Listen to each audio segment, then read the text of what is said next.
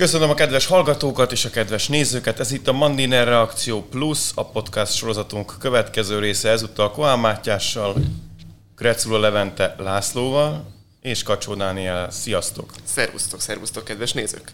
Jó napot kívánok! Rásul Grecula Levente László először van itt körünkben, úgyhogy őt külön is üdvözlöm. Hát Jöhet külön taps, köszönöm tapsgép. a meghívást. Szuper. Jó, kezdjünk egy, kezdjük egy vérforraló témával, legalábbis rám milyen hatása volt, mert a magyar közélet és a nemzetközi felvilág eseményének követése nyomán azért az ember elveszíti egy idő után a felhaborodási képességét. Én hajlamos vagyok erre, de Manfred Webernek sikerül még mindig olyan, olyanokat mondani, amitől egy, hogy kicsit ideges leszek, és azt hiszem ezzel nem vagyok egyedül.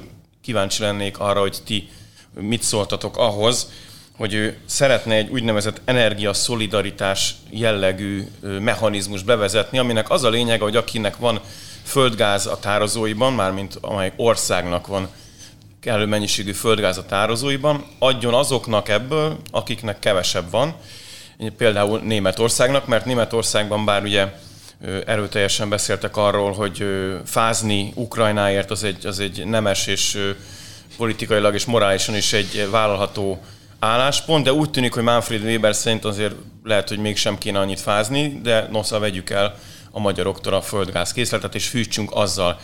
Leegyszerűsítve, nyilván ez egy kiérlelt brüsszeli minőségi koncepció egyébként, egy komoly javaslat, de én azt mondom, hogy egy kicsit vicceljük is el, mert talán viccnek durva. Mit gondoltok róla? Hermagisztek lesz a felkelmű mondja ezt vízbeszédét. Um, Meggyőzötte téged Manfred Weber arról, hogy engem teljesen. Én, bármit is adjunk neki. 2019-ben zsenge újságíró koromban írtam egy publicisztikát arról, hogy hát ha már Manfred Weber nyerte meg az európai parlamenti választást az Európai Néppárttal, akkor tulajdonképpen érdemes lenne neki az Európai Bizottság elnökének lennie. Ez igazából fiatalon lőttem meg életem eddigi legnagyobb öngóját, tehát körülbelül a második cikkem lehetett a Mandineren.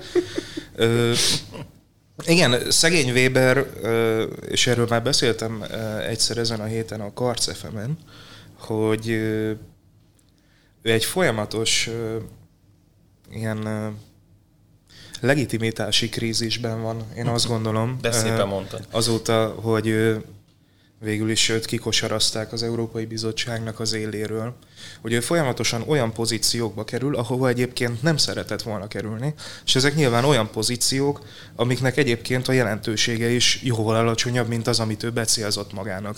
Szegény ö, nyilván most egy ilyen joviális ö, bajor falusi bácsinak tűnik, aki igazából saját jogán sem a keresztény szociális unióban sem pedig az Európai Parlamentben nem tudta igazán soha megteremteni magát.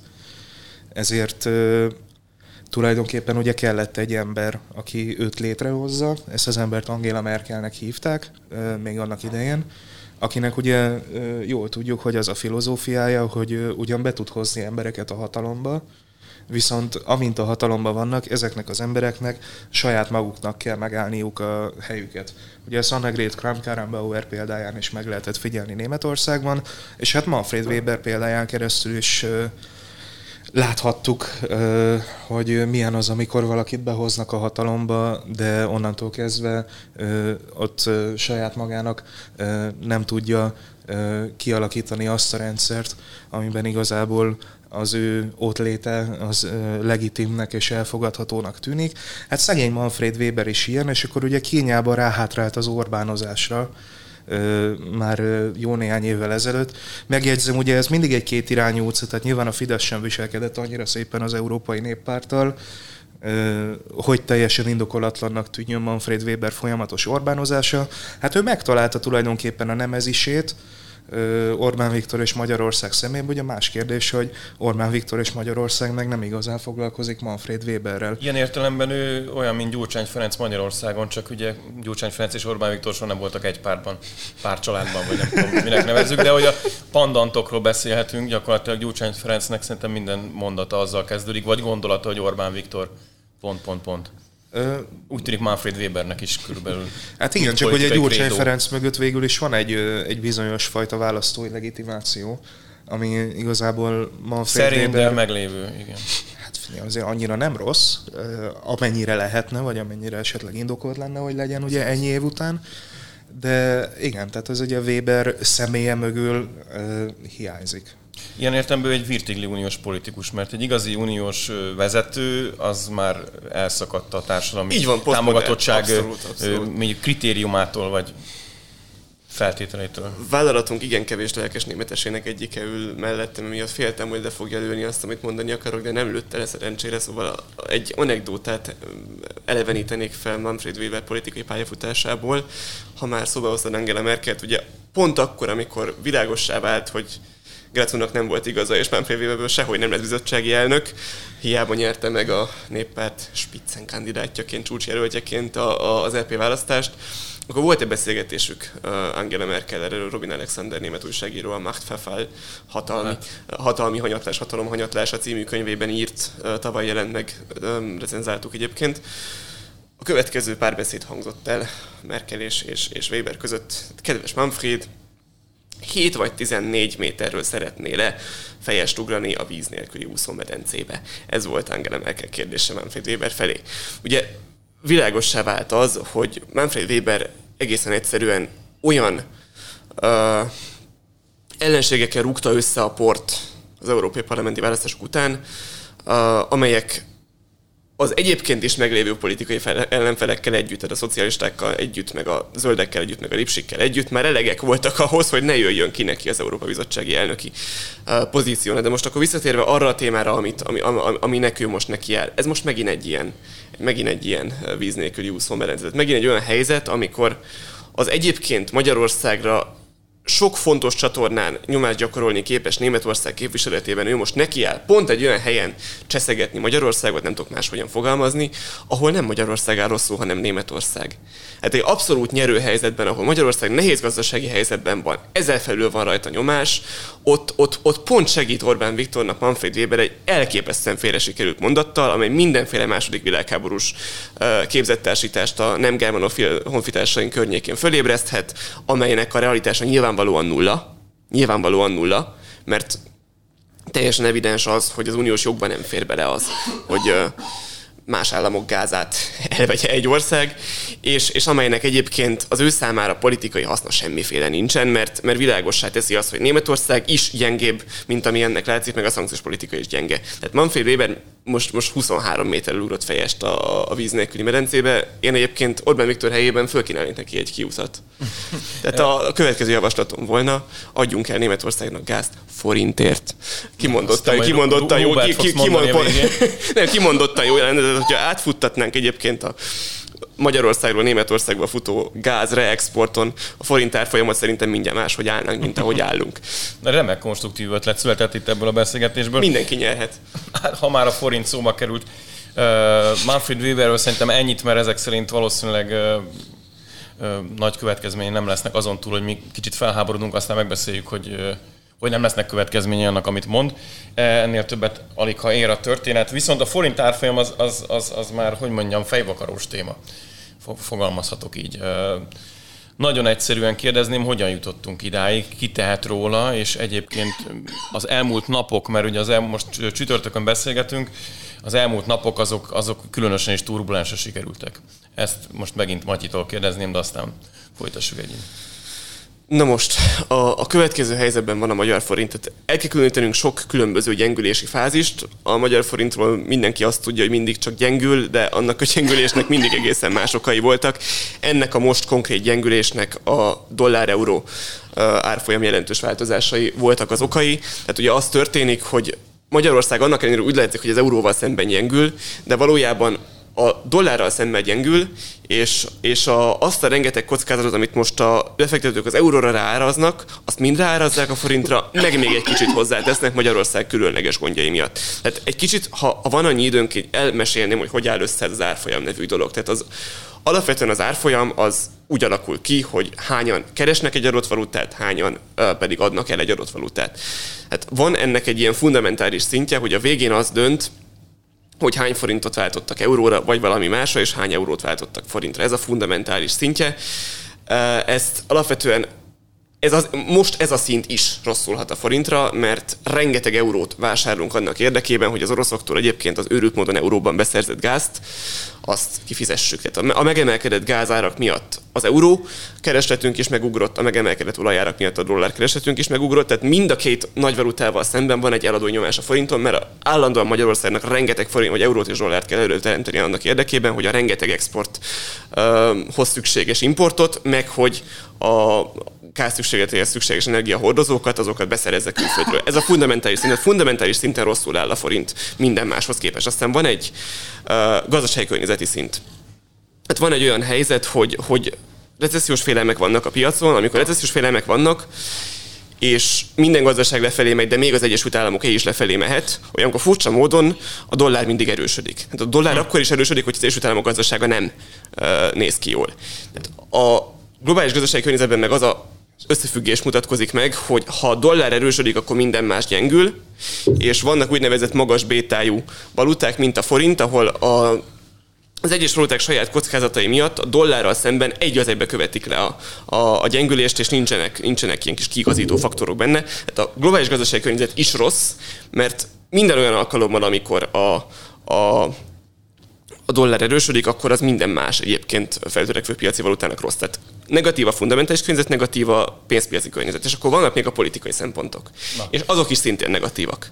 Mert hogy van Magyarországnak egy elhúzódó brüsszeli vitája, van Magyarországnak egy előbbázolt okokból uh, rosszul kinéző folyófizetési mérlegetet, több uh, eurót veszünk, mint amennyi forintot uh, váltunk a mi általunk megszerzett eurókból és meg van ebben egy olyan harci helyzet is, hogy a politikai tényezőkben nagyon sok az érzelmi, a hangulati tényező, és, és a magyar kormány, meg a magyar jegybank politikája az az volt 8 éven keresztül, amíg Magyarországon a bő 8 év volt 12-től 20-ig, amíg, amíg, amíg rengeteg euró érkezett, amíg jó volt az export, amíg nőtt a gazdaság, az az volt, hogy a gazdaság érdekében egy minden évben néhány százalékos forint leértékelődést megengedett a jegybank. Ez kialakította a piacon azt az érzetet, ami egyébként helyes érzetet, hogy a jegybank nem védi meg a forintot. És amikor meg beütött a rossz gazdasági környezet, akkor nekiállták a külföldi befektetők büntetlenül sortolni a forintot, tudván tudva azt, hogy egy bank nincsen hozzászokva ahhoz, hogy, hogy a forintot x árfolyam szinten védi, hogy még mindig nem, rendelkezik, nem rendelkezik árfolyam célral. Tehát egyszerre rosszak a forint esetében a fundamentális tényezők, a piaci környezet tényezői, meg a politikai érzelmi hangulati tényezők. Na most ez az a borzalmas nehéz csapda, ahol szerintem igazából kitörni, ott két ponton lehet a dollárra, nem tudunk mit kezdeni. Tehát, hogy Amerikát nem fogjuk, tehát nincs, nincs, nincs olyan mód, hogy a dollárt lenyomjuk. Tudunk változtatni a fundamentális tényezőkön, ez azt jelenti, hogy valamilyen módon az EU-ban elérjük, hogy a szankciók emlegetésének a csökkenésével csökkenjenek a gázárak, ezzel javuljon a folyófizetési mérlegünk. Tudunk tenni politikai szinten azért, hogy a jegybank meg a kormány célként tekintsen az árfolyamra, jelöljön meg egy árfolyamcélt, amelynek köszönhetően a piac beárazhatja azt, hogy a sortolás most már nem lesz büntetlenül lehetséges. Tehát, hogy most már nem lesz az, hogy ahogy egész eddig 8 éven keresztül, úgy a magyar kormány és a magyar jegybank tétlenül fogják nézni a forint sortolását és gyengülését. Hát ezt a szignált, hogyha a piac megkapja, az szerintem a sorthajlandóságot csökkenteni fogja, meg, meg gőzerővel dolgozni kell az EU-val való kiegyezés és az EU-s pénzeknek a hazahozatalán, mert ez rögtön két oldalú gyengíti a forintot. Egyrészt nem érkezik meg az az euró, amit aztán forintba váltanánk itthon, ez egyik gond. A másik meg, hogy rontja a befektetői hangulatot, és emiatt a politikai tényezőkön is csavar rögtön kettőt. Tehát én nekem nagyjából ennyi a kommentárom a forint árfolyamhoz. Ez egy finom kis prezentáció volt, ami szerintem még egy kormányinfon is megtette volna a hatását adott esetben. Nem mondanám, hogy különösebben optimista lettem nem, nem, ezt nem. követően. Levi, te, te pessimista vagy optimista lettél így Matyit hallgatva? Hát én talán egyébként sem arról ismerszem meg, hogy mindig félig teli van a pohár, hogy én most felültem is már nem. Igen. inkább üresnek tűnik. Igen, a Matyi jól emelte ki az Európai Unióval folytatott vitának, vagy hát igazából nem is tudom, hogy ez vita-e, vagy inkább veszekedés ugye azt a, az aspektusát, hogy hát ugye nem jön meg az az euró, amire nekünk baromi nagy szükségünk lenne. Hát nyilván itt a kormánynak azt gondolom, hogy ha szeretné még ezeket az összegeket látni, akkor egy vagy kettő fundamentális, de akár azt is mondhatnám, hogy identitásképző kérdésben hát lehet, hogy újra kellene gondolni az álláspontját. Hogyha szeretnénk ezt a pénzt, vagy nem szeretnénk ezt a pénzt, akkor igazából mindegy, akkor mehet tovább minden úgy, ahogy van. De akkor ebből most nekem a gyermekvédelmi törvény jut eszembe elsősorban, mint ilyen szimbolikus ideológiai vita képző konfliktus gócpont az elmúlt egy évvel, amiről viszont azt mondja az Európai Bizottság, hogy annak semmi köze ahhoz hivatalosan, hogy nem érkeznek meg a pénzek, mert egyéb problémákat detektálnak ők, amiket még ki kell beszélni. Itt egy kicsit, bocsánat, megvédeném két mondatban a kormány, mert az a helyzet, hogy itt az EU-s pénzek kapcsán senki nem kommunikál nyílt shield én, én nekem az a határozott érzésem, hogy a kormány persze mindent viszonylag könnyen behúz mögé a, a gyermekvédelmi törvény mögé, de az Európai Unió is mindent behúz a korrupció mögé. És szerintem valahol van egy olyan helyzet, hogy az Európai Bizottság az bizonyos szuverenitás kérdésekben szeretné Magyarországot a maga oldalára állítani, és ennek ürügyéül használja a korrupciót. Ellentétje párja is megvan ennek a magyar kormány részéről, tehát bizonyos korrupciós ügyeket a magyar kormány esetleg szeretne elfedni azzal, hogy a szuverenitásra húzza rá, meg a gyermekvédelmi törvényre húzza rá az EU-s vitának a lényegét. Én szerintem itt mind a két fél részéről van némi torzítás a kommunikációban, és én nem látom pontosan, és emiatt vitatkozom is veled, hogy nem tudom pontosan, hogy hol akad el ez a folyamat, és, és nekem az a hogy meg fogják tudni találni a Magyarország szuverenitásának megőrzése, meg a korrupció felszámolása közötti párhuzamot, egyensúlyi állapotot valamikor őszre. Tehát De... szerintem a szándék az, az most már mind a két oldalon fönnáll, és nem tudom, hogy hol van elakadva ez a helyzet. Szerintem ezt, mivel hogy nem kommunikálnak nyíltan, nem lehet igazán jól tudni. De igazából belefolytottuk Levibe a szót, úgyhogy vissza is adna. Az elnézését kérve. Hát nem tudom, hogy ezt meg tudom-e majd bocsátani, majd kitalálom. Ö, persze én ezt tökre értem azt, amit mondasz, de azzal nem vádolnám azért az Európai Uniót, és ezt azért a lelkünk mélyen szerintem mindannyian tudjuk, hogy oké, okay, igen, nagyon súlyos korrupciós problémák vannak Magyarországon. Vannak, én azt gondolom, hogy tök jogos kritikák a magyarországi jogállamisággal kapcsolatban is. Függetlenül attól is itt most persze elő lehet venni azt a narratívát, hogy de hát ugye nincsen megmondva sehol, hogy mi az a jogállam, Nyilván ugye vannak olyan uniós jogszabályok, ilyen alapító szerződések, esetleg Európai Uniós bírósági döntések, amikből azért ezt nagyjából össze lehet rakni, hogy az Európai Unió mit ért nagyjából jogállamiság alatt, még akkor is, hogyha tudjuk, hogy ez a jogállamisági kérdés kicsit ez a van rajta sapka, nincs rajta sapka probléma. nyilván, aki nem szimpi, arra talán könnyebben találjuk meg ezeket a szavakat. Hát, bocsánat, Lengyelország esetében például a jogállamisági probléma elillant, amint az Oroszországgal, elillant, igen. Oroszországgal szembeni álláspont jobban igazodott a mondjuk úgy európai fősodorhoz. Az amerikai fősodor, egyébként ez a brutális az egészben, hogy azt se látod, és most nem Konteosként, meg Dábik Jánosként akarok hangzani, de azt se látod feltétlen te újságíróként, vagy én újságíróként, hogy az Európai Unió az milyen amerikai nyomás alatt van, vagy nincsen. Tehát ha, ha megnézed azt, hogy például Szerbiának egy fegyverbeszerzés kapcsán Amerika üzente meg azt az elmúlt uh, hónapban, azt hiszem, hogy veszélyezteti ezzel az uniós integrációját, akkor látod szerintem, hogy az Európai Unió, amelynek nyilván vannak egyébként valódi és teljesen legitim jogállamiság kritikája, meg korrupciós elvárásai, az, az emellett még működik egy ilyen, egy ilyen amerikai nyomásgyakorló intézményként is és nem látod szerintem pontosan, én se látom, ezért vagyok egy kicsit bizonytalan ebben a kérdésben,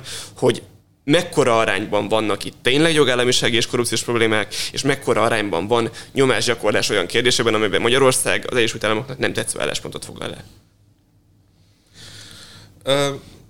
Ezen egyébként én is elég őszintén felvontam a szemöldökemet, amikor a szerbek megkapták ezt a kedves üzenet. Még hát ugye tudjuk, hogy Vucic elmondta, hogy hát not very enthusiastic az Európai Uniós csatlakozásokat. Nem azért egy kicsit neki jobb a karizmája szerintem, de mindettől függetlenül igen. Azt nem tudom egyébként, hogy a, ugye a lengyeleknél azért mégsem árult el teljesen minden akadály, igen. de persze az, hogy ők, ők hát egyből sárga-kékre cseréltek mindent, ami addig fehér-piros volt, és hirtelen elkezdtek úgy tenni, mintha Ukrajna legnagyobb jó akarói lennének, az valóban sokat segített az európai megítélésükön. Vagy Oroszország Még, rossz akarói inkább, az a Hát. Oroszország rossz akarói, Ukrajna jó akarói.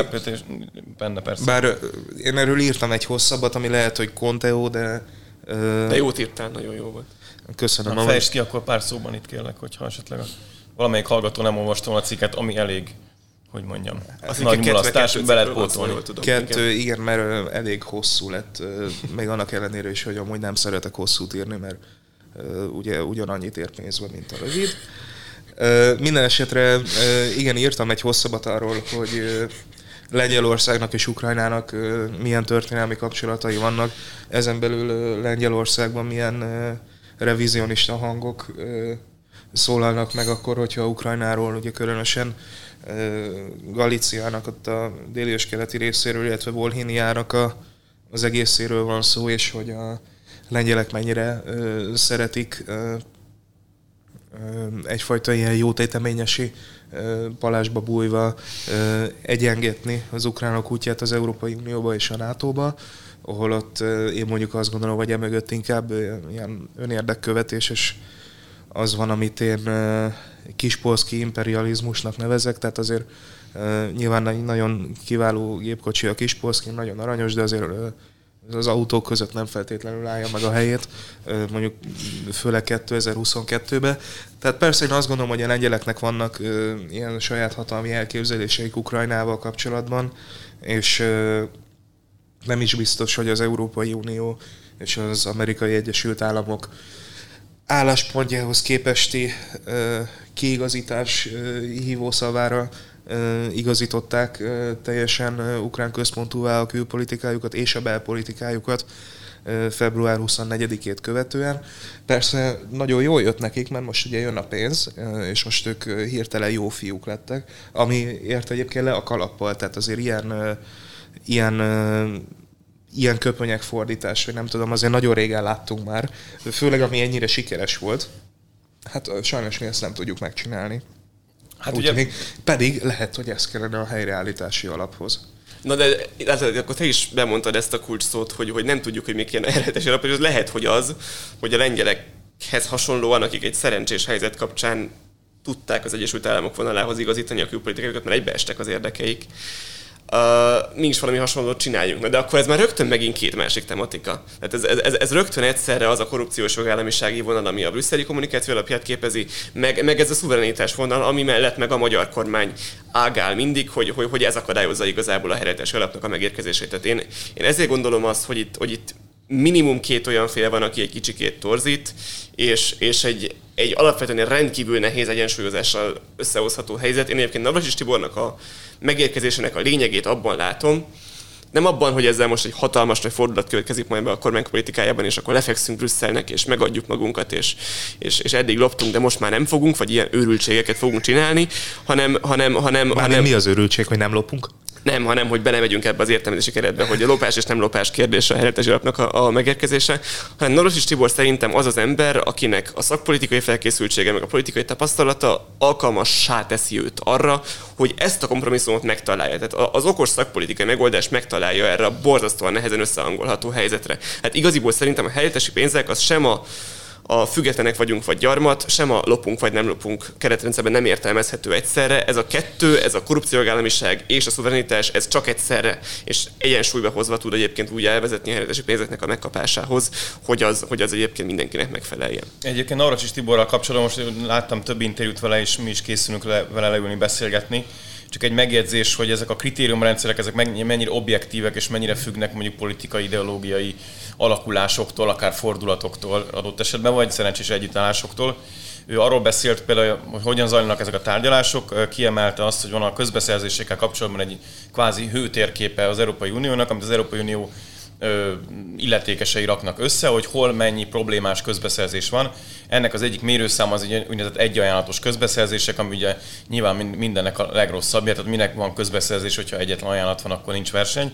És ugye ezt szokták ezeken a tárgyalásokon a magyar kormány fejre is olvasni, hogy bár az uniós források elköltésénél 15-6 körül van az egy százaléka az egyajánlatosoknak, de 30 fölött van az állami források elosztásánál, és ez nem néz ki túl jól. A magyar kormány tesz egy vállalást, hogy leviszi az uniós források esetében meglévő arányra ezt az arányt számolt az állami források kapcsolatos beruházások esetében is. Na de a lényeg, hogy a hőtérkép szerint mi egy úgynevezett sárga besorolásúak vagyunk e tekintetben, míg például piros besorolású Ausztria és még jó pár más ország, ahol nálunk is több papír, papírforma szerint, vagy adatok szerint az egy, egy ajánlatos közbeszerzések száma.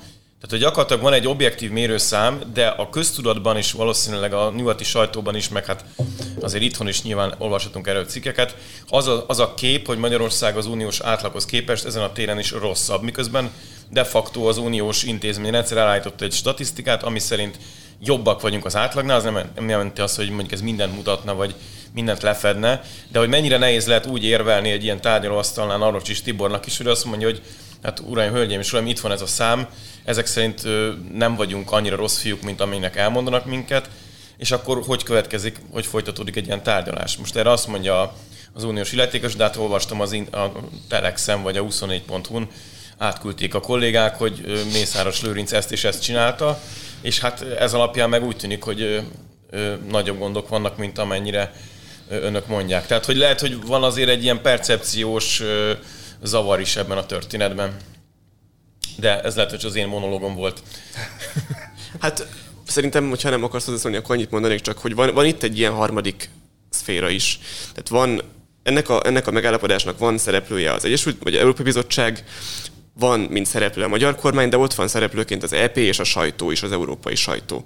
És ha meglátjuk azt, hogy mi az az ösztűz, amit az Európai Bizottság kapott a lengyel helyretési tervnek még csak a feltételes elfogadásáért is. Hát valami Úgy, hogy még egyébként hát ez, született, ez az. Igen. Hát, hogy Ursula von der Leyen impeachmentjét kockáztatja egyébként a, azzal, hogy a lengyeleknek a számukra a létező legkedvezőbb politikai helyzetben feltételesen, de úgyhogy még pénz nem ment utána, megadta az engedélyt a helyretési tervnek az elfogadására. Árnyalja mindazt, tehát, amit elmondtunk az Így van. Tehát nem csak, nem csak, nem csak, nem csak tisztának és korrupciómentesnek kell lenni, de annak is kell látszani ebben a vitában. És, és ez egy borzasztóan nehéz dolog, hogy elérjük azt az állapotot, ahol az Európai Bizottság számára már nem egy vállalhatatlan kockázat a Magyarország számára ezeket a pénzeket kiadni.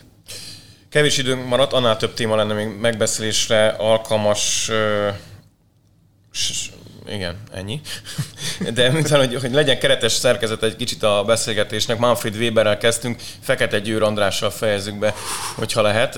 Aztán persze, hogyha nincs keretek róla beszélni, akkor beszéltek máshol, de én megpróbálnám megkérdezni a véleményeteket, ugye kicsit kitágítva is ezt a keretet, ugye ő ott szinte az utolsó olyan pártvezető, aki bár ugye már elnöki státusza nem volt meg az elmúlt hónapokban, de még frakcióvezetőként egy elég komoly mondjuk pozíciója volt a saját pártján belül, illetőleg mint de, debütáló debattőr, hiszen a parlamentben most kezd a Momentum néhány hónapja van előszörben, ezért egy olyan pozíciót kapott, amiből egy kicsit megmutathatja magát, és a friss hír, hogy a saját pártja leszett erről a pozícióról, tehát az a Fekete Győr András, akivel mindenki talán azonosította a Momentumot, elvesztette minden stallumát, lényegében befolyását a saját pártja irányítására. Ez alig, hanem annak a folyamatnak is a része, ami április harmadikán elindult az ellenzéki pártoknál, nevezzük gyászmunkának, vagy, vagy fel processingnek.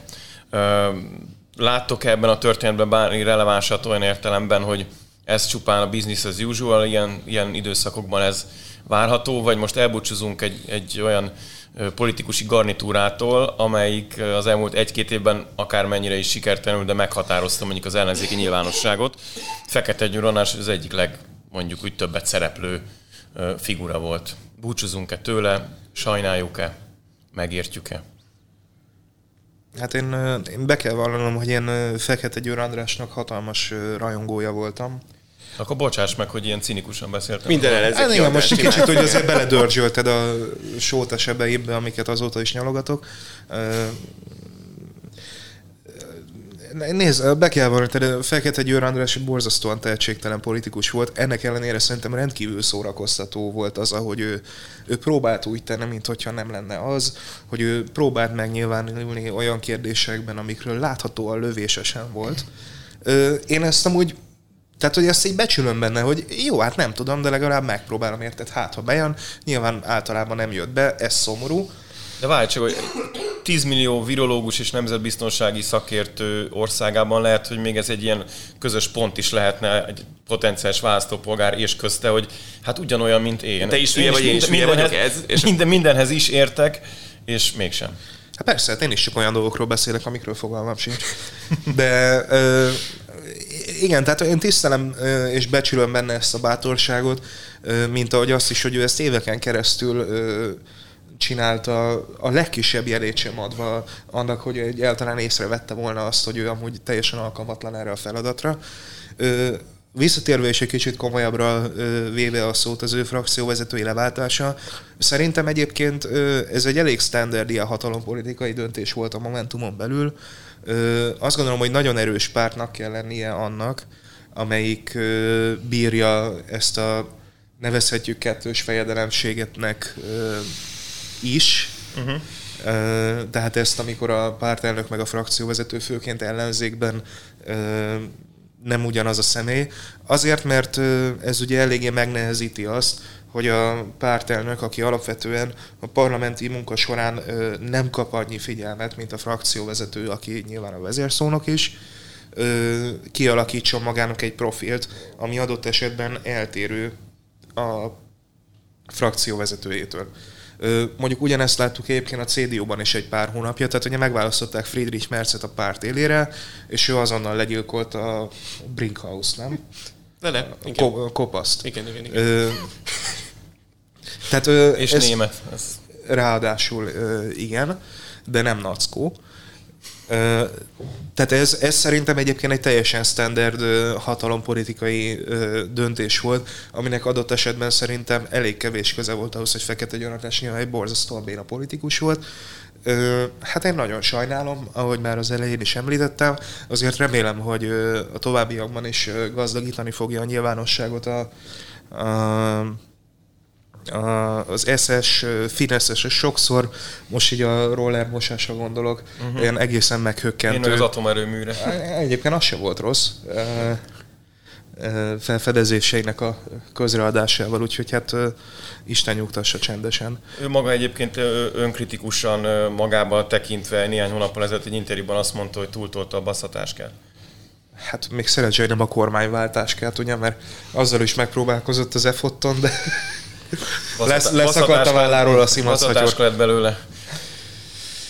Belőlem néha így kitör a magyar spleen, meg a magyar depresszió, amikor azt látom, hogy, hogy, hogy, hogy van néhány probléma, mindannyiunkat nyomaszt. Tehát van egy olyan helyzet, hogy jelenleg az Isten tudja, hogy hány forint az euró, mert nem, nem néztem 40 perce, és az alatt beállhatott nagyjából akármi is, de amikor legutóbb néztem, akkor 412 volt.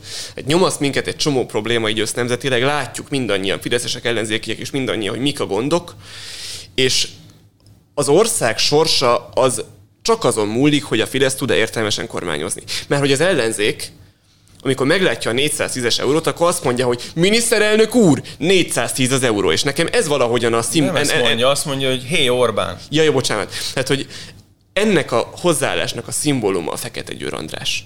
Hogy, hogy valaki azt gondolja komolyan, hogy ebben az, az országban egyébként, hogyha egyszerűen csak nem kormányoznánk, hogyha egyszerűen csak mennénk a fősodor után, és a, a, azt a sok őrültséget, amit Orbán csinál, nem csinálnánk, akkor egyszerűen csak minden jó lenne, de az Orbán miatt minden szörnyű. Hogy van egy olyan ellenzék ennek az országnak, amely a végső összeomlás és a Fidesz teljes öngyilkossága esetén sem volna képes átvenni az ország kormányzását, mert erre olyan fokon alkalmatlan, hogy, hogy, hogy arra szavak nincsenek. Tehát ennek a szimbóluma az én számomra Fekete Győr András, annak az embernek a szimbóluma, aki, aki, aki meglátja a 410 forintos eurót, és csak helyzetelemzést képes adni, és semmit más nem tud, semmi más nem tud csinálni. És én ebben a kontextusban értékelem őt, meg a pártját is egy intőjelnek, meg egy hamarosan eljövendő, és nagyon fontos, és nagyon értékes, és nagyon, nagyon tanulságos bukás történetnek, mert meg kell tanulnia tényleg, főleg az én generációmnak, főleg annak a generációnak, aki ennek az országnak a vezetésével valamit kezdeni akar, hogy Először tehetség, és utána politika. És Fekete Győr András ebbe bukott bele, hogy először politizált, azt, azt aztán próbált, vagy meg se próbált tehetséget építeni. Hát olyan nincsen, olyan nincsen, hogy az embernek nincsenek gondolatai az, az ország gondjaival kapcsolatban, nincsenek kormányzási ötlete, és nem látja át a helyzetet, és ennek ellenére mandátumot akar meg miniszterelnökségre pályázik. Én szerintem ebbe bukott bele Fekete Győr András, és én egyébként nem sajnálom, én örülök, hogy megbukott. És legyen még több ilyen szimbolikus bukás, mert csak így juthatunk el arra a pontra, hogy, hogy a kormányt jó megoldásokkal szorongatja egy ellenzék. Ez kellene ennek az országnak, hogy ott topogjon a Fidesz sarkába, lihegjen valaki. Ez nem spleen, ez idealizmus szerintem, de egyébként de azért ne vesszen ki sen, semmelyikünkből sem. Egy klasszikus mondattal reagálnék erre, egyúttal jelenteném be, hogy búcsúzunk a kedves nézőktől és hallgatóktól. Ilyen nincs és mégis van, ez a magyar ellenzék. Tessék, köszönjük tehát a figyelmet, tartsanak velünk legközelebb is, olvassák a Mandinert minden lehetséges felületen, például ezekről a kérdésekről, amik a forint árfolyam, gazdasági válság és egyebek, infláció, egy nagyon tartalmas összeállítást raktunk össze, például asszály és hasonló szomorú, ám aktuális témák az eheti print Mandinerbe, tehát még ott is lehet ezekkel a gondolatokkal találkozni. Köszönjük még egyszer, és jövő héten jövünk meg. Köszönjük szépen! Viszontlátásra!